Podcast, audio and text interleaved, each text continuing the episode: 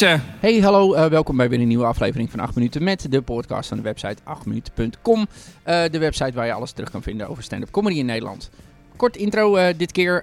Um, het is heel simpel, namelijk uh, dit is mijn gesprek met uh, Fabot Mogadam, de winnaar van het Leids Cabaret Festival 2018. Onder andere um, zijn nieuwe voorstelling Vers van de Pers gaat 21 december in première in Theater Diligentia in Den Haag. En je kan hem per januari ook terugzien op tv, namelijk bij De Slimste Mens. Uh, dat zijn maar een paar dingen waar uh, Fabot mee bezig is. Uh, hij heeft nog veel meer in petto, zeker voor 2020 en daarna. Dus luister mee naar mijn gesprek met Fabot Mogadam.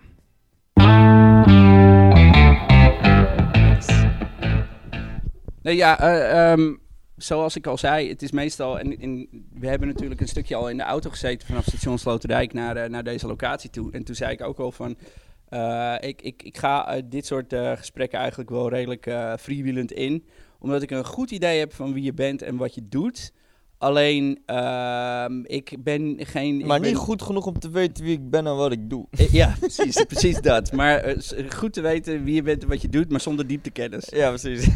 dat, is, uh, dat is eigenlijk de meest oppervlakkige manier waarop ik mijzelf en de manier waarop ik dit doe... Jij weet alleen de eerste regel van Wikipedia-pagina. Ja, inderdaad. En ik lees soms eens wat Facebook-berichten, omdat comedians van jouw niveau... Uh, er een vak maken van maken om social media te, te bestoken met, uh, met zaken die je doet en niet doet. Voornamelijk uh, het opvoeden van kinderen, het spelen van voorstellingen, de try-outs, try-outs, try-outs, try-outs, try-outs. En het voornamelijk pluggen van 21 december Theater Diligentia in Den Haag. Ja, bro. Van jouw nieuwe voorstelling, daar gaan we het, daar gaan we het zo over het, hebben. de zaal vult niet zichzelf. Hè? Nee, nee, dat snap ik. Maar uh, het hoort er tegenwoordig ook bij als je, als je niet iemand hebt die het voor je doet. En dan heb ik het voornamelijk over, uh, uh, over jezelf pluggen en je. je oh ja, ja. Ja, tuurlijk man. Ik, ja, het is noodzakelijk kwaad. Is dat iets trouwens wat, wat je uiteindelijk, als dat aan de orde zou zijn, je zou laten doen? Geen twijfel. Ja, gelijk. Absoluut. Ja. Ik haat die shit. Maar terwijl, terwijl zaken als filmpjes, korte filmpjes, uh, dat soort zaken. Is ook weer een deel, maakt ook weer een deel uit van het creatieve proces, toch? Ja, zeker. Maar het pluggen is gewoon irritant. Je wil, maar dat is, een, dat is een luxe positie als artiest, toch? Als je alleen je vak hoeft uit te oefenen, verder niet na te denken over je marketing, je marktwaarde, je connecties, whatever. Als iets of iemand dat voor je doet, dat is dat is de ideale situatie. Maar los daarvan, van dat pluggen, is uh, het maken van die filmpjes, dat heb je natuurlijk al, dat doe je natuurlijk al een aantal jaar. Uh, ja, sporadisch. Oké. Okay. Maar dat is, dat is meer omdat je dat leuk, en, leuk vindt om daarnaast het te doen? Het is leuk, maar als ik er klaar mee ben, dan wil ik het niet nogmaals doen. En dat is zo vervelend aan video's maken. Het, het, het editen kost gewoon zoveel tijd. Ja. En uh, als ik eenmaal daar sta en ik doe mijn ding, dan is het leuk. Maar het, ik hou niet van productie, dat is mijn probleem. Ja, precies. Als iemand dat nou gewoon voor me deed en zei van... Hey, die en die dag moet je zo laat daar zijn. En doe je dan je ding. Prima, dat is, daar, daar leef ik voor. Maar ik, ik kan het zelf niet, man. Ik vind productie echt lastig. Maar oké, okay, dat, is, dat, is, dat is wel grappig. Want ik bedoel... Uh, ik, vind het, ik vind het leuk hoor. Ik vind, ik vind dit leuk, podcast opnemen. Ik vind het leuk om te spelen. Ik vind het leuk om incidenteel eens een keer een filmpje te maken. Maar daar heb je gelijk in, want het editen van filmpjes uh, is... Editen is leuk, maar het, is, het, is, uh, het duurt lang. Ja. En dat is gewoon irritant. Ja, klopt ja. Als je het wil hebben zoals je het wil hebben, dan is het nooit goed. Ik moet gewoon een hele dag ervoor uittrekken. Zeker, ja. En dan heb je het over een filmpje van geen vijf minuten. Ja, precies. Ja, ja precies. Ja, dat is, dat is lastig. Maar dat is, dat is, is dat voor jou ook een, een zoektocht in de zin van, weet jij al heel duidelijk nu dit is wat ik wil doen. Uh, niet gewoon, uh, ik haat dit woord. En ik ga het weer zeggen. Avondvullende voorstellingen. Uh, that's it. Een, een programma schrijven van, van een x van een uur. Nou, dat laatste is al gebeurd. Ja, maar is dat ook je core business? Is dat ook iets waar, waar je, waar je, wat je wil gezien doen? wel. Ja, precies. Ja. Creatief gezien is dat mijn uitvalbasis. Is dat mijn kern. Van daaruit heb ik alle andere dingen kunnen doen. Ja. Die ik nu doe. Was dat ook de opzet toen je begon? Want la- laat ik het Niet zo meteen zeggen. toen ik begon, maar toen ik eenmaal door had wat de mogelijkheden waren, ging ik ook meteen ook denken op die manier. Oké, want er is een manier. Zie je hoe ik dit doe? Ik ga gewoon naar het begin. Ik ga gewoon eh, langzaam easen we, easen we naar het begin. Want ik zag er laatst namelijk een artikeltje van jou uit 2011. Ja, Wat ondertussen alweer gewoon fucking lang geleden is. Het is ongelooflijk, maar ja. acht jaar geleden. Waarin je. eh, eh, ehm, nou ja, dit bedoel ik dus met het gebrek aan dieptekennis. Want ik weet niet meer waar het artikel over ging. Trefwoorden. Maar in, t- in 2011 was je dus al bezig met media en met zaken en met, eh, weet ik veel, je, je, jezelf als eh, eh, Ja. Maar dat is, dat is wat moet, man. in de media. Dat is wat moet. Je bent een merk. Je bent niet een persoon. Je bent, jouw persoon is het merk. En dit is niet iets wat ik heb bedacht. Het is niet iets wat ik leuk vind. Maar dat, zijn wel, dat is wel de realiteit. Nee, oké, je, hebt niet- En- je hebt het niet bedacht, maar je hebt ergens een keer bedacht van, ik wil gaan eh, optreden. Ja. Ik wil, Maar misschien ook omdat ik... eh, toen ik begon met comedy, was ik net iets te schuw om elke keer naar Am- Amsterdam af te reizen. Voor open mics in zo'n vijandige omgeving. vijandige omgeving. Ja, Want? zoals een comedycafé die dan Ja. soms bepakt is met mensen die van een vrijgezellenfeest of een uitje, weet je wel, gewoon Zeker, shit die je hoort. ja. Misschien liet ik me daardoor een beetje eh, beïnvloeden en zocht ik allerlei manieren, andere manieren om aan optredens te komen. En daarbij is media en marketing des te belangrijker. ja. Dus het was, een, het was voor mij echt noodzakelijk kwaad. Ja, maar ik kan me voorstellen dat je ook eh, dat je niet per se in dat soort dingen rolt, maar dat je bijvoorbeeld mensen kent die eh, ingangen hebben bij eh, mediakanalen, of het bladen zijn, of het is tv. Op een gegeven moment gebeurt dat wel, joh. Precies, ja, doordat, Je, mm, doordat je ermee bezig bent, if you build it, it will come, soort van ding. Ja, toch? Ja, zeker, ja. ja. Maar oké, dus je ging in jouw optiek dan niet naar Amsterdam, wat ik me voor kan stellen, wat een beetje... Een beetje Want ik kom uit Den Haag. Ja, precies. Ja, Ja. En, en ik was twintig toen ik begon met comedy. Ja, En misschien was ik gewoon net iets te dorps ervoor in mijn hoofd. Om helemaal de trein te pakken elke keer en het onbekende tegemoet te gaan. Den Haag is wat dat betreft dan wel lastig, want buitenom misschien de wat traditionelere paden met een theater aanschrijven om, weet ik veel, of, eh, of bepaalde kunstpodia's te pakken. Er, is, er was in die tijd, eh, de tijden van dat je begon, niet echt veel aan comedy. Nee, er was wel een comedy cursus bij Culturalis Theater. Toen heette het Culturalis. En die cursus werd gegeven door Samba Schutte, Martijn Oosterhuis, Christel Sveers is er langs geweest. Volgens mij Jeroen Pater ook, Chris van den Ende op een gegeven moment. Heel veel comedians kwamen langs om workshops te geven, soms vaker dan één keer. En daar heb ik me ook heel erg in kunnen ontwikkelen. En dat was ook voor mij een reden om niet naar Amsterdam te hoeven. Dus Ja. dat, hield me, dat me thuis. Maar ja, dat, dat, dat is... Maar ik heb daar wel spijt van, man. Want ik zeg je eerlijk, als ik nu kijk naar mijn materiaal vroeger. ehm, Want je bent nu 30, ik ben 31. 31. Ja, Ja, dus we praten over een periode van zo'n 10, 11 jaar lang. ja, Ja. ja. Het tikt wel aan Ja. op een gegeven moment. Ik denk dat als ik echt wel dat deed naar Amsterdam reizen en zo. En echt gewoon met de billen bloot en comedycafés. Dat ik dan wel veel sneller me zou ontwikkelen. Misschien ook anders. Want je leert doorvallen en opstaan wat dat Ja, betreft ook. misschien, zou ik me, dus misschien zou ik dan nog meer een comedian kunnen zijn in de traditionele zin. Oké, want dat is een goeie, want Want ik heb wel een beetje theater in me. Wat is jouw definitie van een comedian in traditionele zin? En is Gewoon, dat iets... eh, de- eh, iemand die op een zeepkist staat en met een microfoon in zijn hand en zijn bal in zijn andere hand en that's it. en gaan. Ja, Ja. maar ik, ik, ik hou van die vorm, alleen ik ben ook een beetje theatraal en dat heb ik wel van uit, van, uit die periode. Dat ik dat heb omarmd toen ja. en dacht van, hé, hey, dit is leuk. Dit Was, dat, was dat ook wat jouw invloeden en jouw inspiraties zijn? In de zin van de zaken die jij zag toen je die leeftijd had of jonger was? Waar, waar jij je aan optrok? Ik was omringd door theatermensen. Ja, oké. Ja, precies. En ik deed mee met een eh, community arts project van 2009 tot 11. Dus dat was ook in de tijd dat ik net begon met comedy ernaast. En dat heeft me ook heel erg gevormd, want ik leerde theatertechnieken. Spreken, articuleren, Ja. eh, lichaamshouding. Eh, althans, ik werd daar bewust van. Het acteren binnen het spelen. Het spelen. en dat was breder dan comedy. ja, Comedy was wel mijn shtick, maar het, het, het- ik deed ook mee, mee met dingen die breder waren dan comedy. En dat heeft... was dat al geboren Dat, op dat, had, dat had op zijn manier wel voordeel. En Ja, dat had op zijn manier ook een positief effect op eh, mijn ontwikkeling. Dus er is geen goed of fout. Er is alleen, ik weet wel dat, ik weet bijna zeker dat als ik in Amsterdam eh, me zou begeven, dat ik wel eh, me anders en sneller zou ontwikkelen als comedian. Anders is misschien denk ik ook wel eh, eh, een woord. Want anders zou misschien ook zijn dat je eh, wat minder zou spelen. En in het, in het, in het kader van comedy, als je het hebt over het Comedy Café en stand-up comedy en dat soort dingen. misschien wat meer joke-oriented was. Juist. En minder spelen, acteren. Effectiever. Ja, oh, oké. Ja, effectiever. Ja, ik wou het meer brengen op van... Er zit natuurlijk een verschil in als je een, een, een uur lange voorstelling hebt...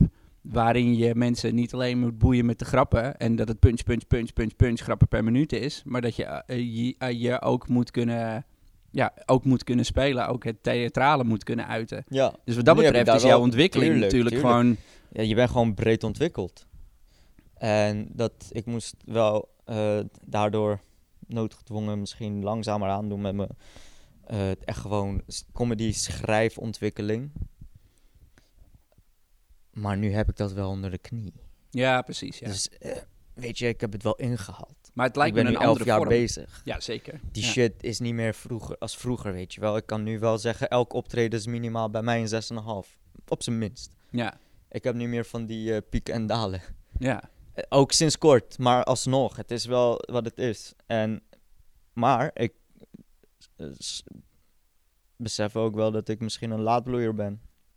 Nou, Omdat ik jij- zoveel dingen tegelijk deed, waardoor alle ontwikkeling gewoon op zich langzaam ging. Maar dat is ook een beetje de zoektocht natuurlijk. eh, ja, je bent is ook je- bezig met een zoektocht. Precies. En je bent jong, hè? 20 is jong. Zeker. Ja. Eh, Je hebt niet zoveel te vertellen. Of, en als je iets te vertellen hebt, dan moet je maar een manier vinden. Je, je moet eerst jezelf vinden, überhaupt. Weet je wel, los van je eigen manier. Je moet jezelf vinden. Dus dat is ook een zoektocht waar je mee bezig bent, tegelijkertijd daarnaast. Is dat niet die 10.000 10.000 uur regel of die 10 jaar regel waarin je zegt van ik vind je kan binnen vijf jaar niet je Als er stem een 10 jaar regel is, dan, dan, heb, dan voldoe ik daar wel aan. 10.000 regel weet ik niet per se, want dat is echt fulltime. Ja, Dat heb ik niet gedaan. maar ja, oké, je 10 jaar regel is op een gegeven moment moet je eh, tot een realisatie gaan komen van ja, dit is, dit is wie ik wil zijn op het moment dat ik op een podium sta of comedy doe. Ja. En dit is wat ik wil uiten eh, daarin. Absoluut. Ja. 10 jaar was bij mij wel een.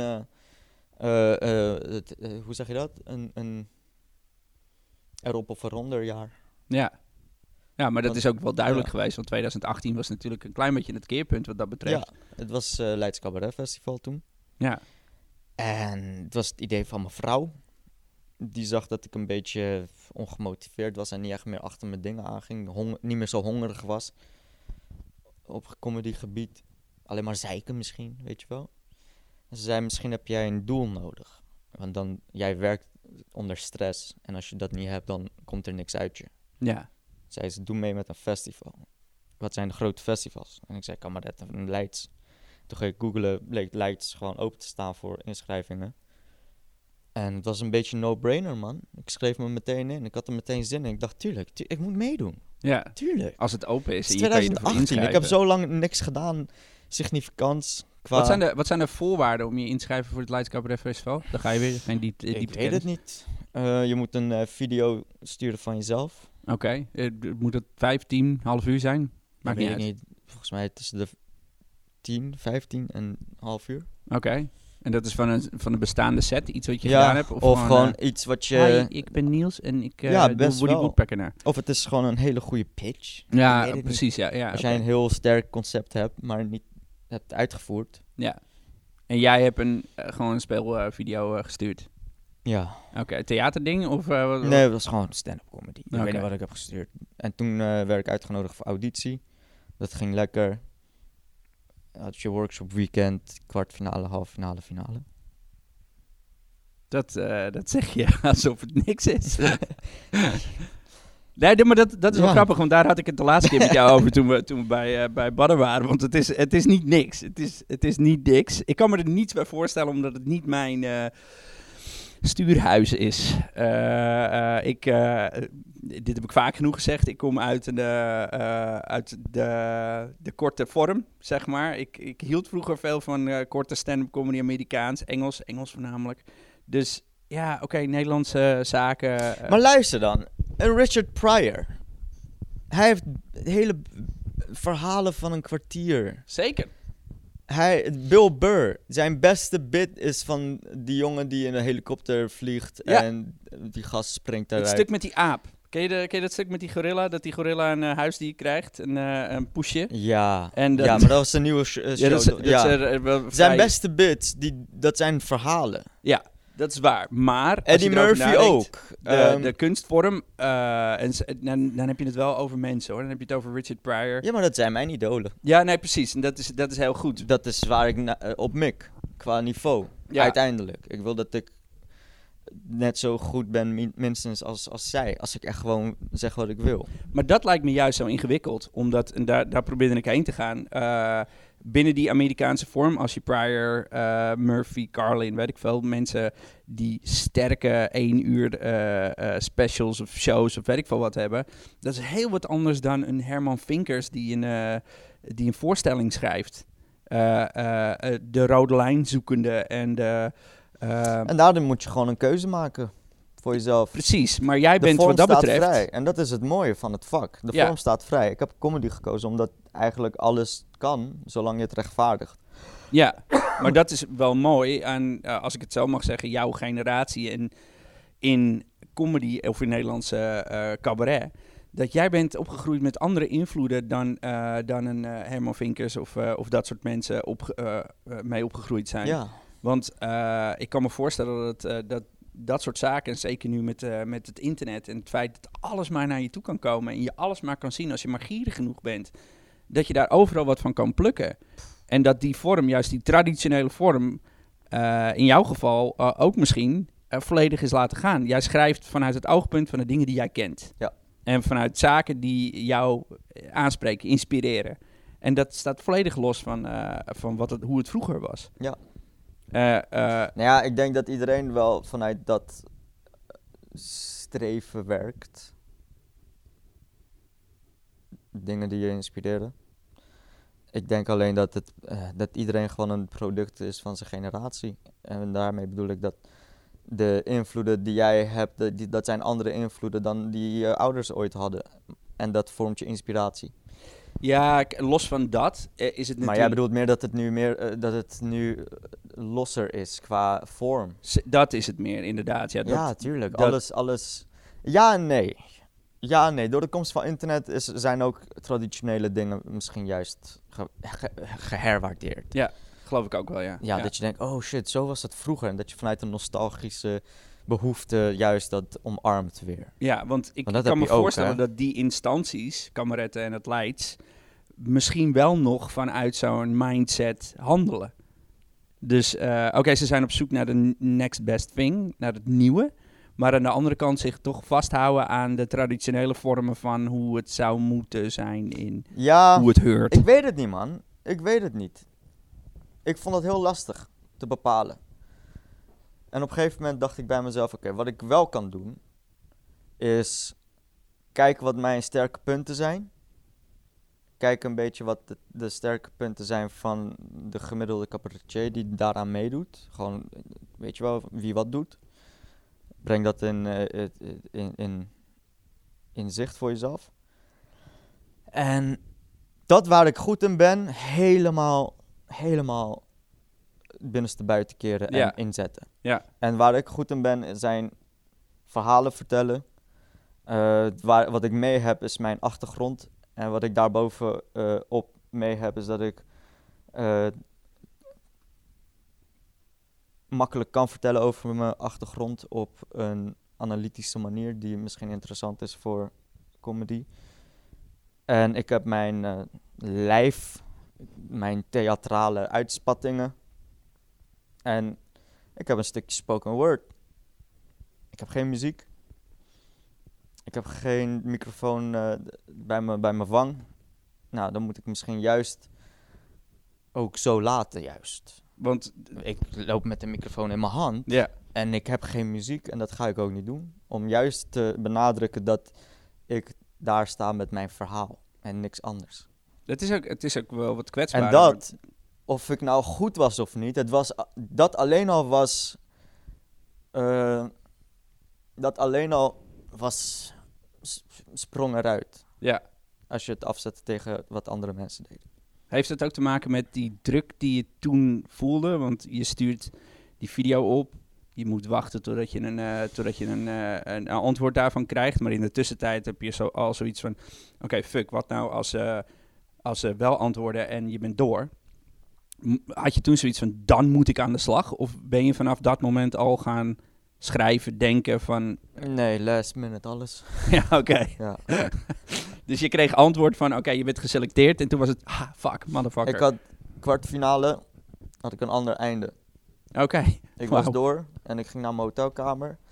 En ik had een stukje spoken word van vroeger. Die heb ik een beetje geremixed. En die had ik geplakt helemaal aan het einde. Met een eh, callback joke. Helemaal op het eind. En dat had me reet gered. Wauw. En dat had ik in één dag in mijn kop gestampt. Niet geprobeerd, Gewoon Niet geprobeerd. Het ging, ik ging ervoor. Cold dat- turkey. Ja, ja. Het, meer ook andere grappen die ik nog nooit had gedaan. Maar van die snelle grappen, niet, niet van riskante grappen, weet je wel. Had ik la- last minute wel wat tussen gestopt. En ook dat was iets wat de jury heel erg waardeerde.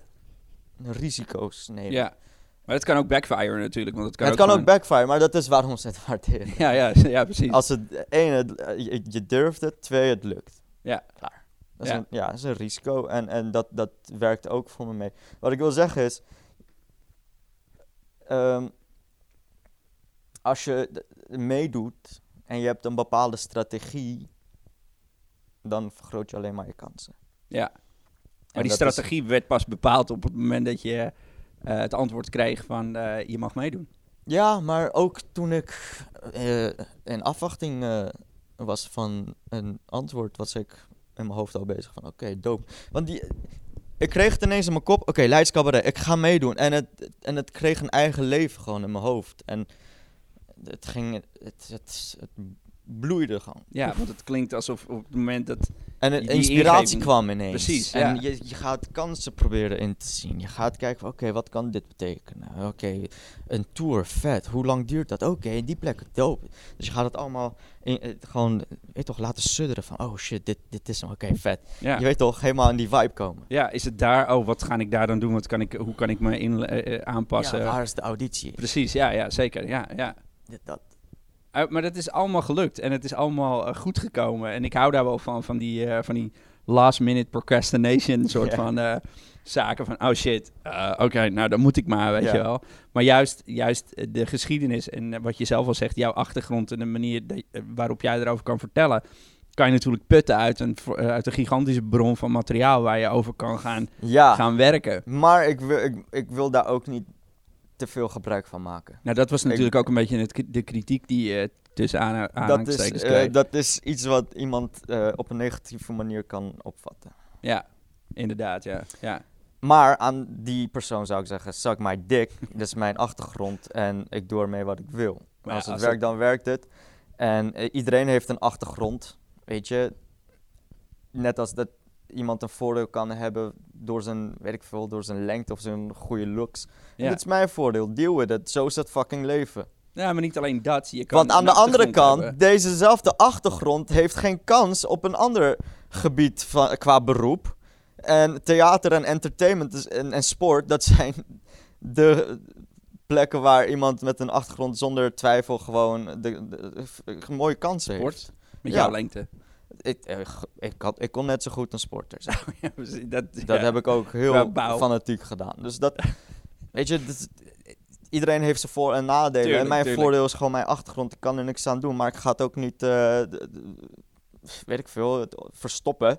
Omdat ik eh, een bepaalde, in een, een bepaald spectrum wil passen. Nee, maar dat heb ik volgens mij op andere... Volgens mij heb ik, hebben we het daarover gehad, notabene. Dat het maakt niet uit wat je Want achtergrond weet je wat het is? Jij als, eh, jij, jij- als jij hier bent geboren en je hebt, en je hebt, een, uit, je hebt een witte huidskleur en je, je vertelt over jezelf op het podium, dan, dan ben je ook bezig met je achtergrond. Maar Ja, omdat absoluut. jij de meerderheid bent, hoef je niet te zeggen dat je uit Nederland komt. Ja. Maar je hebt het er wel over. Ja, zeker. Ik doe exact hetzelfde, maar omdat ik niet de meerderheid ben, moet ik wel benoemen waar ik vandaan kom.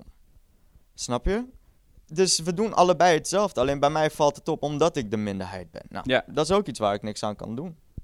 Dus Nee, ik, doe, maar- ik, doe, ik, ik gebruik wat ik heb. Het zijn natuurlijk ook ervaringen. En het zijn misschien ook ervaringen waar niet iedereen eh, ehm, kennis, verstand of eh, eh, zelf iets in meegemaakt heeft. Dus je kan ook iets laten zien of iets brengen wat nieuw voor andere mensen is. Ja, kijk, En als dat het betekent cliché dat je- is, dat is een andere discussie. Want Precies. cliché eh, kan, je, kan je in alles vinden, weet maar je dat wel. is, Als de, iemand... dat is de definitie van rape jokes, weet je wel. Ja, nee, maar Eh, ook bijvoorbeeld wat ik cliché vind, zijn bijvoorbeeld mensen die op een podium staan, heel zullig en vertellen over hoe onzeker ze zijn. Ja, En wat voor sukkels ze zijn. En een hele show gaat over wat voor losers ze zijn. Weet je wel? Fucking, zoveel cabaretiers hebben dat als uitgangspunt. Dat vind ik cliché. ja.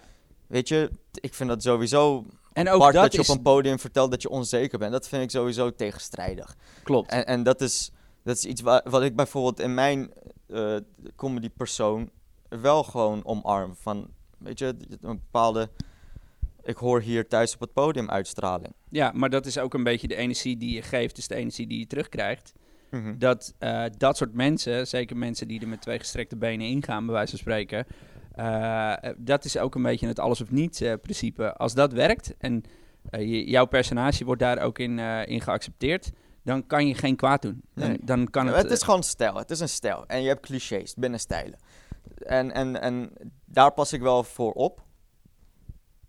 Ehm, en hoe heb je dat dan? Hoe heb je dat? Want oké, dat was het. 21 december eh, Den Haag Theater Diligentia, eh, je nieuwe voorstelling waar je al eh, enorm voor een try-out hebt geweest bent, vers Ja. van de pers.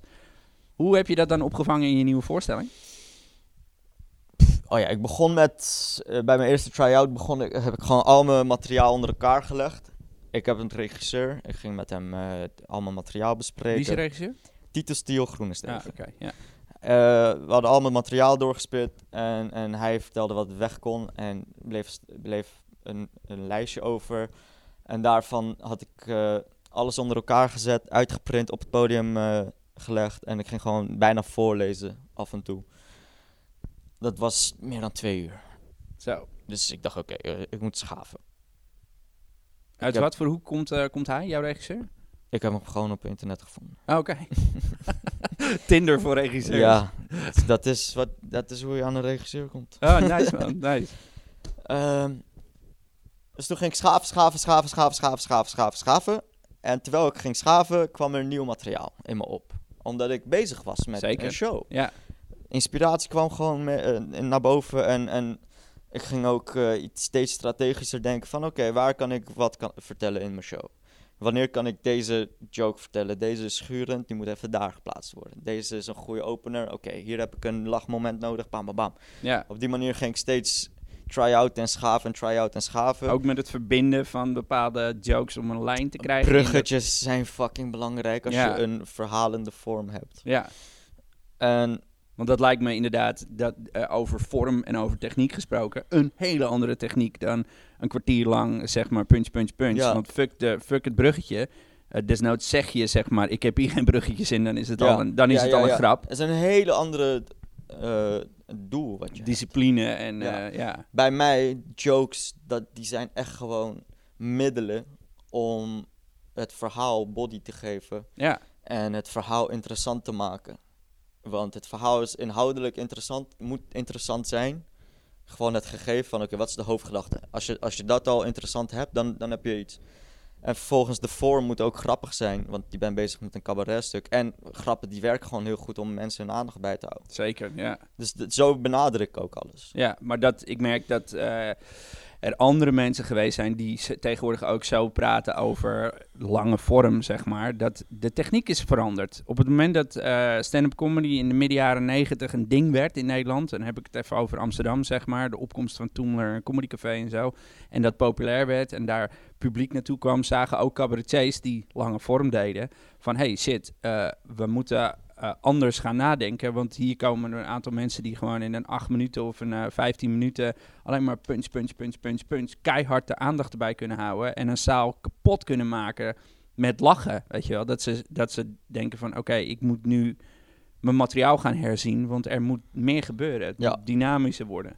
Ja. En ja, ik denk dat jouw generatie, als ik dat zo mag bestempelen, eh, ook uit die mindset komt.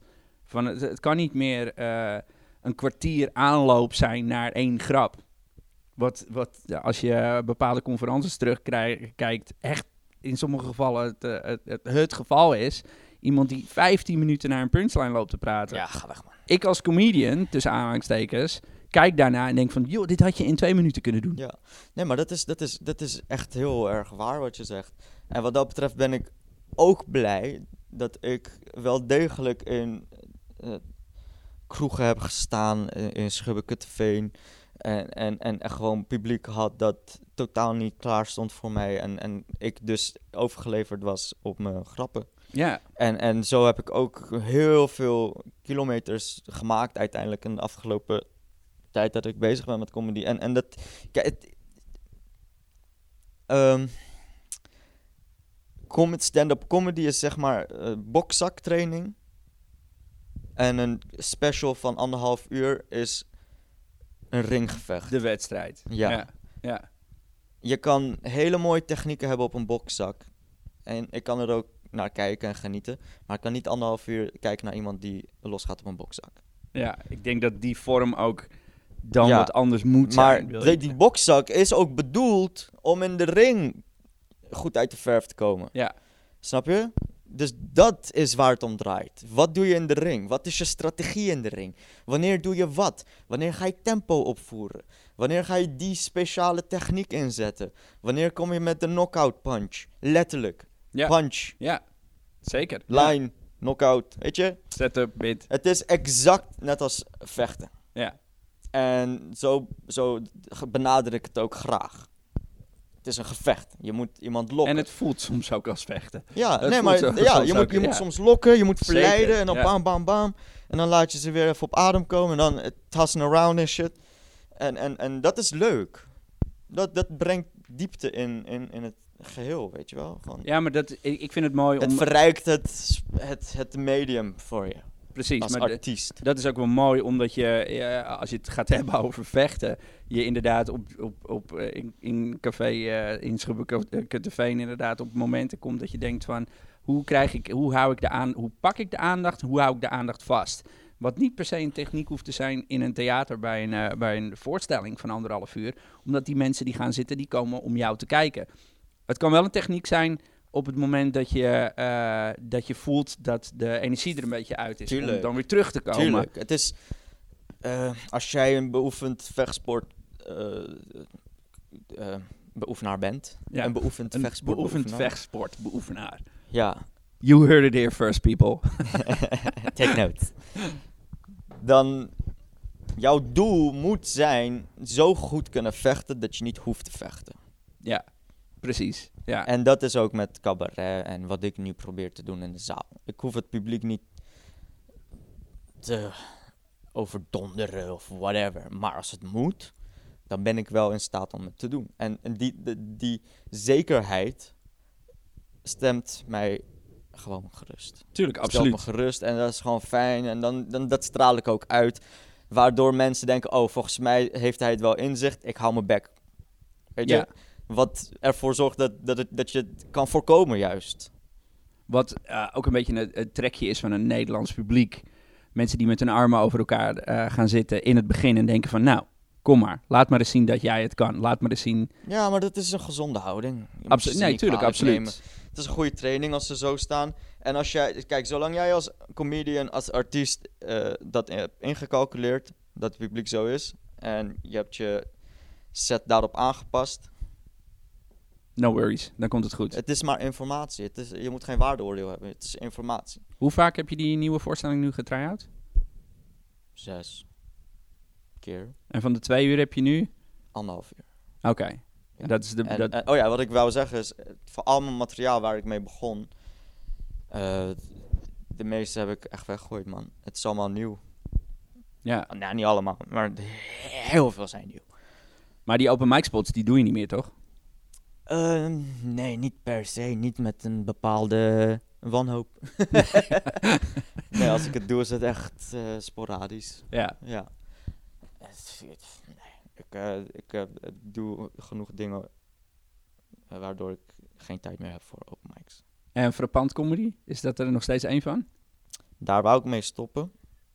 Maar ehm, toevallig is er een nieuw leven ingeblazen. En komt er eh, een nieuwe reeks frappante comedies aan. Waar ik nu nog niet zoveel over kan zeggen, omdat we gewoon geen afspraken hebben. Maar frappant comedy is meer geënt op stand-up. Nee. Ah, Oké. Frappant comedy is gestoeld op inderdaad stand-up. Maar het is, eh, de, de, de, de hoofdprioriteit is een leuke avond met eh, de lach als hoogste prioriteit. Ja, precies, ja. Dus ik heb ook dichters gehad die gewoon fucking funny zijn. Oh ja, En dat zeker. vind ik vet. Dat Ja. is voor mij ook comedy. Ja, Ik heb mensen met muziek gehad. Gewoon Roel Severburg is geen traditionele stand-up. nee. Nou, hij Ja. is heel vaak geweest daar. En eh, een acteur die gewoon een grappige monoloog heeft. Prima, kom maar door. Een goochel-act, kom maar door. Ja. Maar er zijn wel twee keiharde comedians in de line-up. Altijd. Ja, En de derde en de vierde persoon is dan een persoon die eh, re- relatief vroeg eh, aan zijn shit is begonnen. oké. Dat is een soort talentspot. Ja. Ja. Ja, dat, is, dat, is, dat is de formule. Maar het hele De Lach eh, centraal. Toevallig ken ik ook een goochelaar eh, ehm, die... eh, ja, het is eigenlijk een stand-up comedian goochelaar. Zo vind ik hem. En het is een van de leukste dingen die ik ooit gezien heb. Maar hilarisch grappige dingen, zeg maar. Ja. Dat ik denk van, ja, maar dit kan ook. Dit is, ook, maar dat is toch vet? dit Dat- is hartstikke mooi, ik, weet je wel. Ik ben, ik ben van mening dat het podium gewoon een plek is waar je, waar je alles moet kunnen doen, zolang je het gewoon interessant houdt. Ja. Hoe je het doet, I don't give a fuck. Nee, maar kijk, het En mooie die van... vrijheid is, is iets wat je moet waarborgen en wat, waar je, waar je, waardoor je geïnspireerd moet raken door, als, als comedian. Van oké, maar dit kan ik nu heel goed. Wat kan ik nog meer? En, en, en dat is, dat, dat, bro, daarvoor moet je het doen, vind ik. Dat is de ultieme vrijheid. Maar dat is waar... Niet eh, dat ik nu de meest absurdistische comedian ben. Integendeel, wat ik doe is, is, is best wel je, eh, beperkt te noemen qua vorm. Heel erg. Maar dat is ook maar omdat ik gewoon nu wil focussen op het vertellen van een keihard... Of niet keihard, maar gewoon een goed in elkaar gezet verhaal. Juist zonder vorm. Behalve dan hè, de vertelvorm. Om, om nog meer risico te- tonen dat ik met mijn verhaal, wat ik met mijn verhaal neem. Kwetsbaarheid. Ja. Risico, kwetsbaarheid. Van oké, ik, heb, ik heb niks om op terug te vallen. En, en, en die spanning vind ik vet. Van oké, kan ik ze anderhalf uur lang gewoon een verhaal vertellen? Dat is mijn doel. Mijn tweede show, 100% dat ik ga nadenken over de vorm waarin ik alles doe. Misschien ga ik dan helemaal niet echt een verhaal willen vertellen, maar juist alleen maar eh gedachteoefeningen doen en, en, en, en spel en, en noem maar op. En veel minder een rode lijn. Maar, dat, is, dat is gewoon mijn lange termijn eh, doel. Doel, weet ja, je wel? Want precies, ja. Nog steeds ben ik van mening. Ja. Het theater biedt zoveel mogelijkheden. En ik wil daar gewoon een, een onderzoek in doen. In Ja. de vorm van een show. En dat is wat mij als artiest heel goed kan inspireren. En, eh, maar gestaafd op de lach. Tuurlijk, Ja, tuurlijk. Nee, nee, nee. Geen kleinkunst. nee, precies, ja, inderdaad. Die, die, die Lachen voor- is belangrijk, man. Dat is leuk. Nee, dat is gewoon, op dat hoeveel dus manieren ook. kan ik jou laten lachen? Ja, exact. Dat ja. is vet. Maar ook het, eh, eh, eh, het hebben over serieuze, misschien ook wel zware onderwerpen. Maar niet dat je eh, weggaat met het idee van eh, ik ga mijn polsen doorsnijden. Maar dat je denkt van dat alles bespreekbaar ge- eh, gemaakt kan worden met een lach, weet je wel. Ja. De meest, oké, oké, een, een goede joke is een goede joke. Dus kan je het overal over hebben. En daar ligt de kunst dan toch? ja, Het inderdaad het overal over de meest verschrikkelijke Ja. zaken kunnen hebben. Maar ge- gestaafd met het idee dat je de mensen wil laten lachen.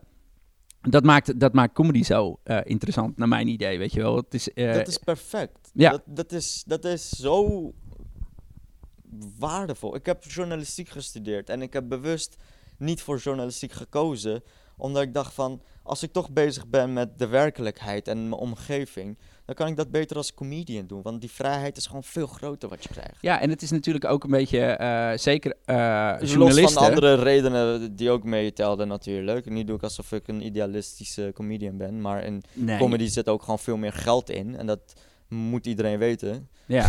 Oh, jij wou voor een krant gaan schrijven.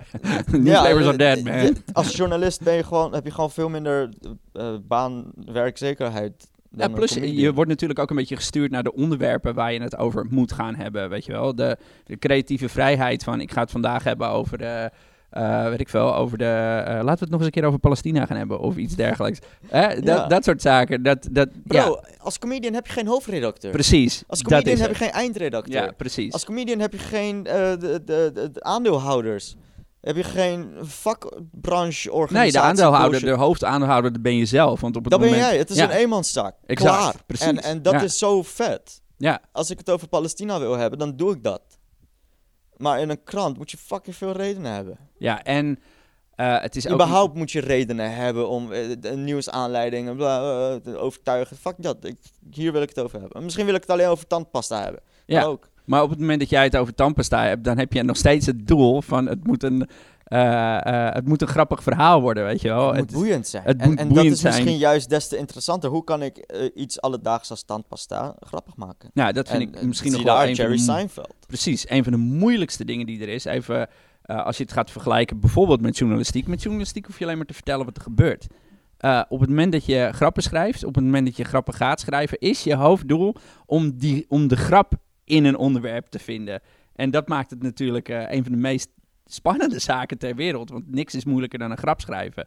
Eh, vind ik hoor. Ik vind het een van de moeilijkste dingen ter wereld. En uh, juist dan moet je gaan, gaan kijken van... oké, van wat voor angle kan je zo'n onderwerp benaderen?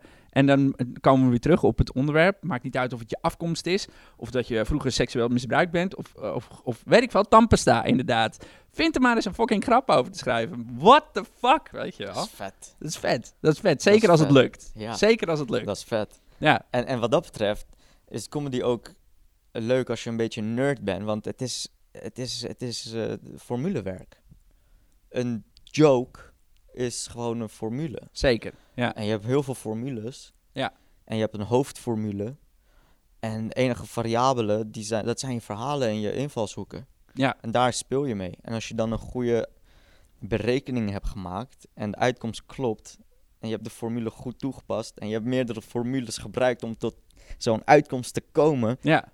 dat is wanneer je een goede bit hebt. Maar dan begrijp ik ook, dan begrijp ik ook de manier waarop je dit nu uitlegt, begrijp ik ook dat je een hekel hebt, of in ieder geval minder hebt met mensen die zichzelf neerzetten als de loser, als de sul. Ja. Want op het moment dat je, uh, dat je die formule toepast, hè, zoals je hem nou net beschrijft, kan je alles interessant maken en hoef, je dus, hoef je je dus niet te uiten. Dan ben je vast bescheiden. Dat is dan het, ben ja. je vast bescheiden. Dan ben jij je onzekerheid aan het gebruiken om erkenning te krijgen en je ego te boosten. Exact. Zo'n, weet toch, dat je, zo van... hou oh, van mij, ik, hou ik, van ik, mij. Ik, heb, ik heb gisteren mijn elleboog gestoten en terwijl je dat laat zien, span je je bicep aan. Ja, precies, ja. jij wil je bicep laten zien, bitch. Fuck jouw elleboog, ga niet Ja. liegen. Ja, En dat, is mijn, dat is niet mijn smaak, man. Ik Als ik op het podium maar sta, dan, dan mogen mensen best wel weten dat ik zelfverzekerd ben. Maar ze mogen ook weten dat ik soms, eh, eh, eh, als ik een fout maak, dat ik dat ook benoem. Van, oké, dit was niet zo leuk als in mijn hoofd. Of weet ik veel, van... gewoon echt benoemen. tuurlijk. Maar ook daar moet je een bepaalde zekerheid voor hebben. En, en het publiek vindt dat ook fijn. Je, dit is, arrogantie is anders, weet je wel. Maar een bepaalde zelf, ja, arrogantie. vanzelfsprekendheid dat je daar Precies, staat. kwetsba- kwetsbaarheid is iets anders dan dat je jezelf neerzet als een totale loser, weet je wel. Dan zet je jezelf zwak neer. Dat is het, ja. Kwetsbaarheid is niet zwakte. Nee, kwetsbaarheid is een, eh, is een, eh, eh, een breekbaar ding wat mooi is om, als het goed, goed uitgevoerd wordt. Kwetsbaarheid is je borst uitsteken terwijl iemand naar je toe rent met, met, met, zijn, met zijn mes. Precies, ja. Dat is kwetsbaarheid. ja. ja.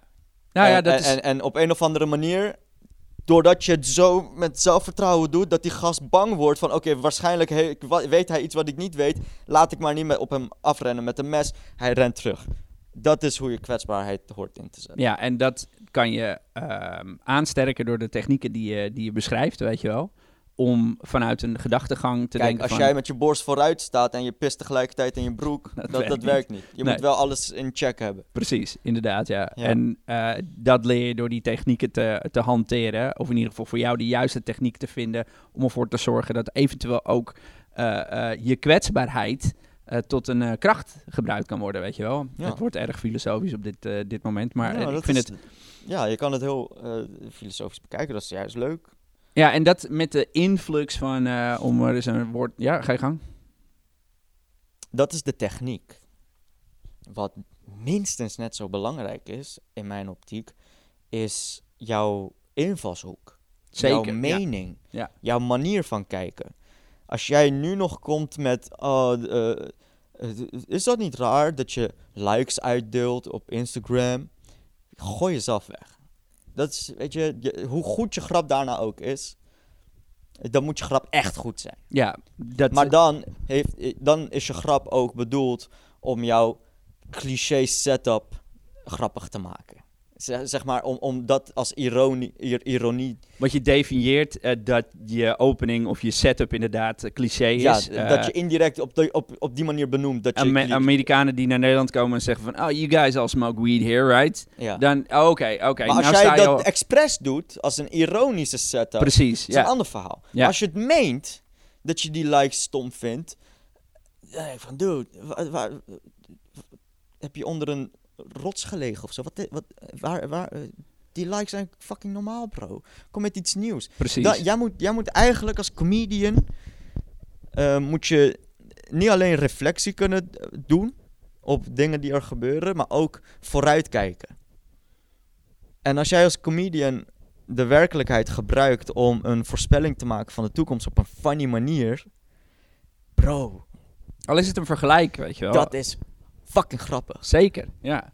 Dat is fucking grappig. Ja, maar- En dat is waarom deze tijden zo interessant zijn. De werkelijkheid is grappiger geworden dan comedy. Dan een grap die je kan verzinnen. Ja. Inderdaad, dat klopt. Ja. En dat is de mindfuck van nu. Van oké, waar sta je als comedian nu? Tevens maakt dat de wereld, eh, zeker als je met dit vak me- bezig bent, want het, het vereist namelijk op een gegeven moment, en het vereist het niet, dat krijg je. Als je intensief bezig bent met comedy, al, al ben je een open micer die, eh, die alleen maar acht minuten dingetjes aan het doen bent, of je bent een, een voorstelling aan het schrijven van god mag weten hoe lang, op een gegeven moment treedt die mindset in. Je ziet iets, je hoort iets en je gaat rekenen. Je gaat rekenen van hoe maak ik dit Het grappig. gaat via zo'n stelsel. Precies, Hij gaat ja. door een stelsel in je hoofd. Hij wordt geëxtraheerd. Hij wordt eh, verhit. Hij wordt afgekoeld. Hij, je doet er proeven mee. Je doet experimenten Je gaat mee, vergelijkingen toe, maken, je vergelijkingen maken. Je haalt dit even weg. Je bedenkt iets. Oké, wat heb ik zelf persoonlijk hiermee te maken gehad ooit? Oh ja, dit, kan ik dat... Maar ja, waar je het nu over hebt, dat is een, dat is een uiteenzetting van 30 seconden wat je zegt, hoe dat, hoe dat proces werkt. Maar in, in het hoofd van iemand die er al jaren mee bezig is, zijn het seconden, zijn het millisecondes. Je ziet Soms iets, gaat het heel snel. En maar soms moet je ook ervoor zitten. Soms moet je echt gewoon zitten met dat onderwerp en gewoon vervelen ermee. Ja. En dan niks meer doen. En laten sudderen. En dan onder de douche komt het ineens. Bam. Precies, ja, Dit of als is- je dit is mijn slapen, invalshoek. inderdaad. Ja, exact. En een goede invalshoek, die schrijft de grappen vanzelf. Als jouw setup zo goed is, dan is dat de punchline. Zeker, ja. Omdat in het midden van de, de setup eh, Dan heeft het de waarde van een punchline horen ze al van, oh fuck, dit is een hilarische, hilarisch Ja, idee. Ja, en soms is de punchline daarna, de grappen die je doet, die zijn helemaal niet zo interessant meer als je setup. Dat, dat is het risico. Ja, klopt. Ja. Maar dat is ook iets wat ik tof vind, weet je. Maar dan moet je analytisch kunnen zijn. Dan moet je voelsprieten hebben.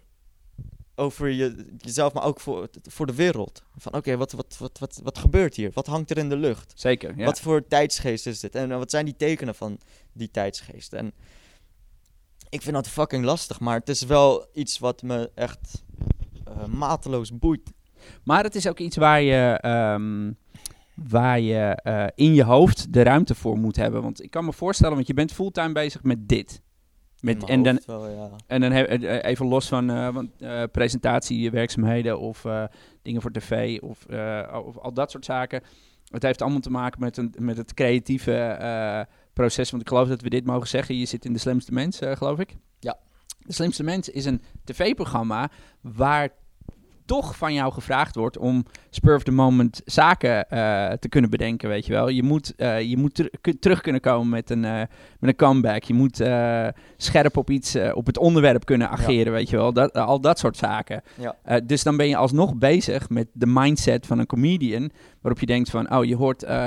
Uh, weet ik veel, uh, Bolsonaro is president van uh, Brazilië. Ik weet niet waarom ik daarop kom, maar oké, Bolsonaro. Dus die gast ziet eruit als een, als een ontplofte aardappel, weet ik veel. Associaties. Associaties, precies. dus wat jouw hoofd... Doet. Je bent de meester in associaties. Ja. Je hoofd, ook al doe je dat soort zaken, blijft toch gaan naar, naar associëren en naar waarmee kan ik het vergelijken. En het misschien ook wel gelijk in het absurde trekken. Ja. Want je bent dan misschien geen absurde comedian in eh, de spelende vorm, zeg maar. Maar je hoofd gaat er in eerste instantie naartoe. Zeker. Er is altijd wel een stukje absurditeit in, in een joke. Ja. Je moet overdrijven, of je trekt parallellen, of je draait situaties om, of je zegt, of je uh, plaatst het in een andere uh, tijd, plaats, noem maar op. Andere kaders. Je speelt met kaders. En parallellen trekken, hoe beter je dat kan doen, hoe sterker een grap.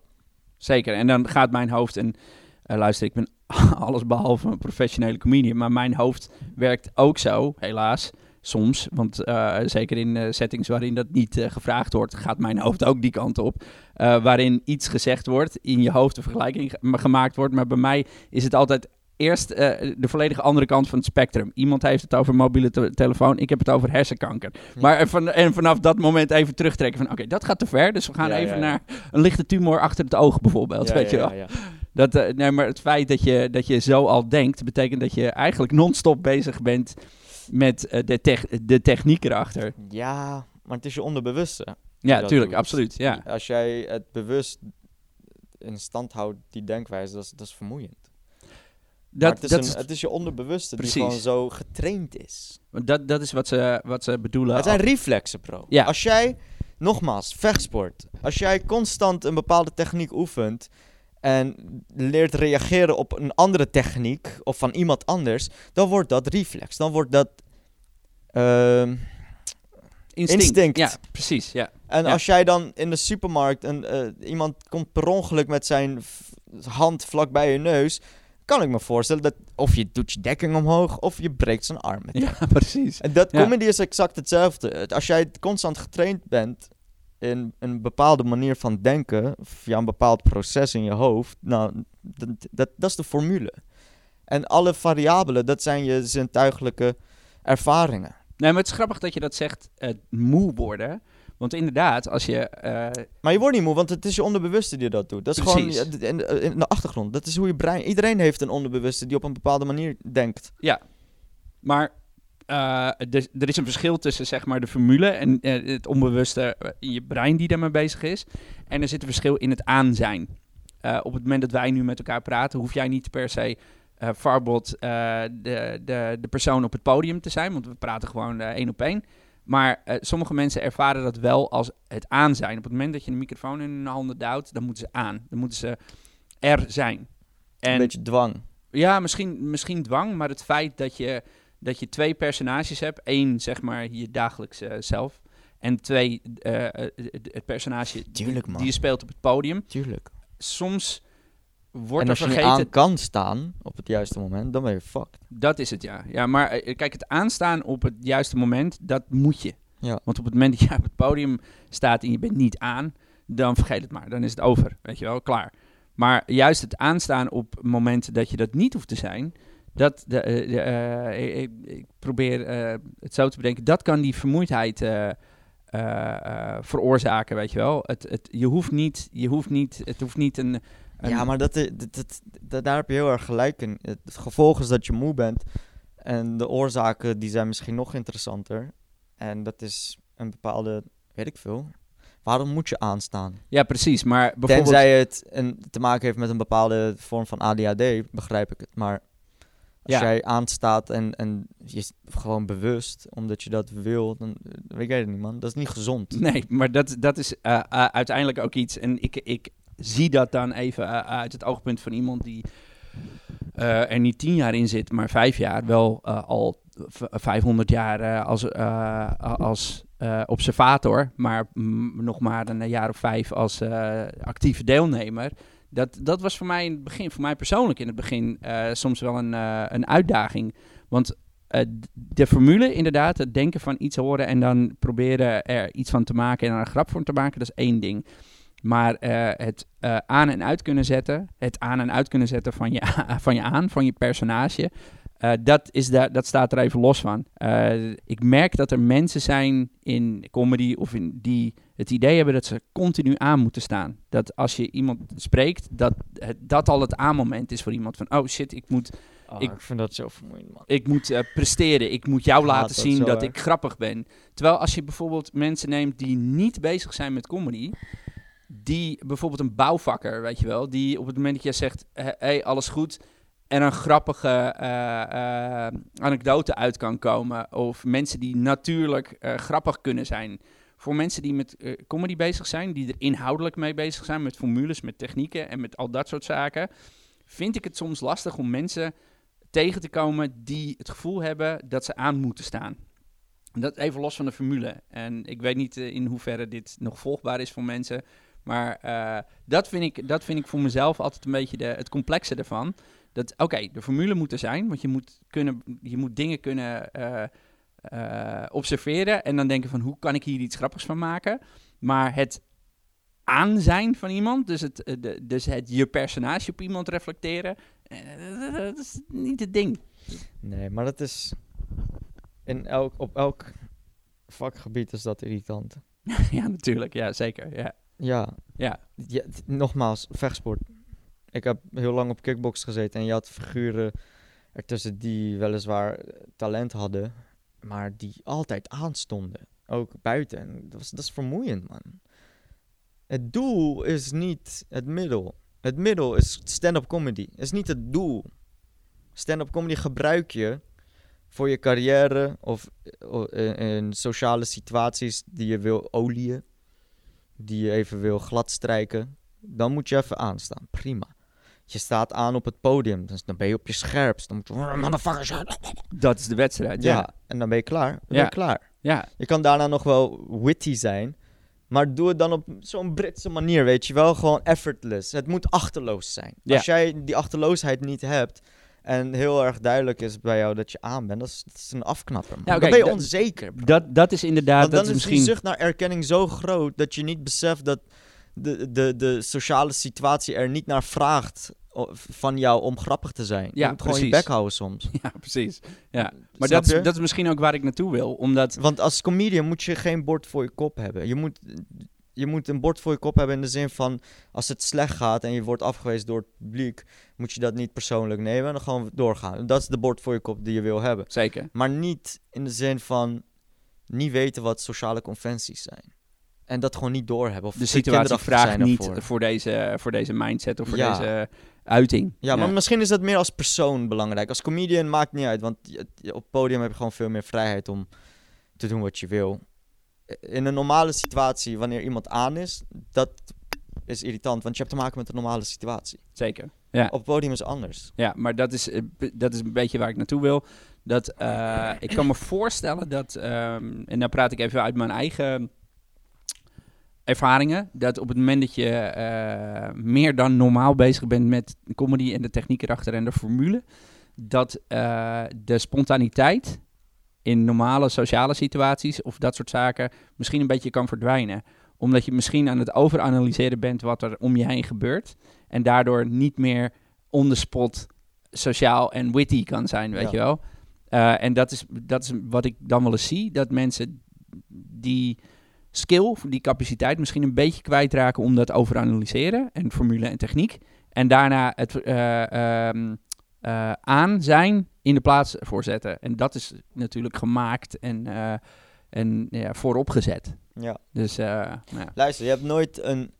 Je hebt nooit professionele mensen gehad die echt on top of the game zijn en die nog steeds een bewijsdrang hebben. Ja, bewijsdrang op zich hoeft nog ineens... Of nee, nu moet ik voorzichtig zijn. Wacht even. Niet in alle dingen. Want zo'n Cristiano Ronaldo heeft nog steeds bewijsdrang. En dat is te wijten aan zijn gedrevenheid. Prima. Maar dat succes wordt ook afgemeten op je laatste prestaties. Ja. En trouwens, dat, dat is met comedy idem dito zo. Want als jij een eh, slechte eh, recensie krijgt van een voorstelling, dan eh, is het aan jou om er alles aan te doen om de volgende voorstelling eh, goed te maken. En dan heb ik, ja, oké, recensie is misschien niet het juiste woord, want die gast kan full shit zijn. maar als je zelf het idee hebt van, oké, ik presteerde, dit was een, geen 6,5, maar een 5 of een 4,5, dat je de volgende keer wel die... Maar wel dat is het enige wat ertoe doet. Ja. Dat is het belangrijkste. En natuurlijk, weet je, het comedy trekt een bepaald volk aan. eh, qua beoefenaars. Hè? En meestal hebben die mensen een bepaalde behoefte aan extreme aandacht. Want voor een publiek grappig proberen te zijn is extreem. is de ultieme vorm van... eh, van Is fucking zelfkastijding bijna. absoluut, ja. Het is gewoon heel extreem en, en die aandacht is extreem en dan moet je behoefte ook een beetje extreem zijn. Prima, maar je moet niet ervoor zorgen dat dat ehm, de reden wordt waarom je iets doet. Dat, Dat- is zielig. Precies, dat dat Dan de je gewoon- overhand eh, gaat nemen in je... ja, en, en, en zo probeer ik comedy ook altijd te zien. Het is niet mijn doel. Het is niet, mijn, het is niet het enige wat ik doe. Het is een van de dingen die ik doe en daardoor blijft het leuk. Wat is jouw doel? Mijn doel is. Ehm, in het leven of qua comedy? Ik denk dat eh, die twee eh, misschien wel hand in hand met elkaar gaan. Want ik bedoel, comedy gebruik je nu... eh, comedy is nu eh, naast je passie, mag ik zeggen... eh, ook de manier waarop je je brood op tafel krijgt. Ja. Dus die twee gaan misschien wel hand in hand met elkaar. Tenzij je zegt van, ik zie mezelf nog vijf jaar comedy doen en daarna ga ik eh, fulltime schrijven voor eh, Lubach of zo, weet ik veel. Ja, dan ben je nog steeds met comedy bezig. Ja, precies, maar dat dan klopt. op Ja, een andere manier. Nee, ik, eh, ik, ik wil ze kijken. Ik wil sowieso een cabaret show slash comedy show slash solo maken die waar ik achter sta. Die uit mijn die uit mijn ballen komt en uit mijn hart. En die ik eh, met volle overtuiging 40 keer kan doen. Dat is wat, en, en waarin ik zeg wat ik wil zeggen en de grappen maak die, eh, die ik goed genoeg vind. Is dat iets wat je al aan het doen bent met Vers van de Pers straks? Ja. Dat is wel mijn doel. En als, ik, als dat niet behaald wordt, heb ik een probleem. Maar dat doel is vrij, vrij dicht in handbereik. Want ik bedoel, Ja. de 21ste ga je Maar begin dat is, met... dat is, dit is een doel dat al heel lang bezig is. Ah, Oké, ja, Ja. precies. Ja. En nu ben ik aan het uitvoeren. Eerst bedenk je het, ga je het plannen en nu ben ik aan het uitvoeren. En ik wil gewoon een mooie show maken die wordt gewaardeerd door de mensen die het zien. Misschien komen helemaal niet zoveel mensen op af uiteindelijk. En dat heeft dan niet te maken met de kwaliteit van je show. Maar de mensen die komen, die moeten wel vinden dat het een toffe show is op, op de manier waarop ik dat wil als maker. ja, oké. Ik dat wil is dat lastig ze het boeiend natuurlijk. vinden. Ja. Ik wil dat ze het grappig vinden. Ik wil dat ze, eh, dat ze het ergens schurend vinden, maar ook troostend en ontroerend. Weet je wel, ik wil gewoon, ik, ik wil een gerecht voorschotelen. En een Ja. gerecht is niet één smaak. Het zijn meerdere smaken die samenwerken en een symbiotisch geheel vormen. Tapas. Je weet wel. en, en dat is wat ik met mijn show wil doen. Ehm, tegelijkertijd ben ik bezig met presentatiedingen. Ehm, wat op een andere manier heel interessant is. eh, leuk is en eh, mij op plekken brengt waar ik gewoon niet anders zou komen per se. En ik vind dat leuk als mens. Ik, ik hou daarvan. Daar leef ik voor. Ehm, ik doe ook organiseren en, en daar, daarin wil ik ook bepaalde dingen gedaan krijgen. Ik wil me pijlen richten op het buitenland en daar ben ik heel serieus in. Dat wil ik ook doen. Engelstalige comedy is een heel nieuw hoofdstuk dat mij ontzettend enthousiast maakt. En dat wil ik ook helemaal binnenste buiten keren. Maar daarnaast wil ik ook bezig zijn met muziek. Ik heb heel veel plannen wat dat betreft, die ik wil uitvoeren. Ehm, ik zie mezelf ook spelen in een rol. Film, theater. Vork gaat uit naar film. Ehm, dat vind ik vet. Eh, ik wil met, met, met video's maken, wil ik ook heel veel dingen doen. En daarbij eh, heb ik ook bepaalde plannen voor en bla bla bla. Dus er zijn, er zijn heel veel dingen die Ja, dus- of in de stijger staan of aan het uitvoeren. eh, of of dat, ik het aan, dat ik het aan het uitvoeren ben. En ik ben ook me van bewust dat van de tien plannen drie doorgaan. Dat is altijd zo. Maar daarom doe ik zoveel. Ja. Zodat er altijd nog wat er overblijft lekker veel is. Ja. En daarbij, mijn doel is niet om hard te werken. ik denk dat dat ieder Mijn doel zijn. is om slim te werken. En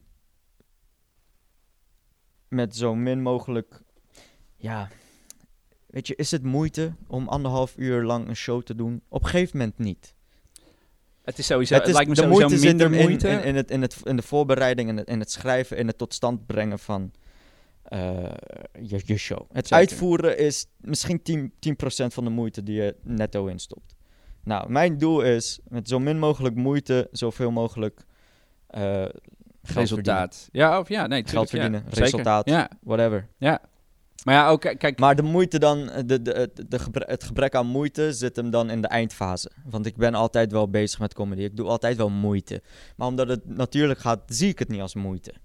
Soms wel dat ik echt denk van shit, ik moet nu echt maar het is ook iets waar je achter staat. Hè? Het is niet iets, je bent geen, eh, je bent geen eh, eh, administrateur op, bij een belastingkantoor Snap of je? zo. Je bent ook bezig met een legacy. Precies. Je, als, je, als je aan mij vraagt wat is je doel idealistisch gezien, dan kan ik ook een heel zweverig verhaal aan je ophangen. Ja. Maar feit blijft, ik ben ook realistisch. Als het de, als het, als het de bedoeling is dat ik werk en belasting betaal en, en, en bijdraag aan de maatschappij, dan wil ik verdomme ook lol hebben terwijl ik dat doe.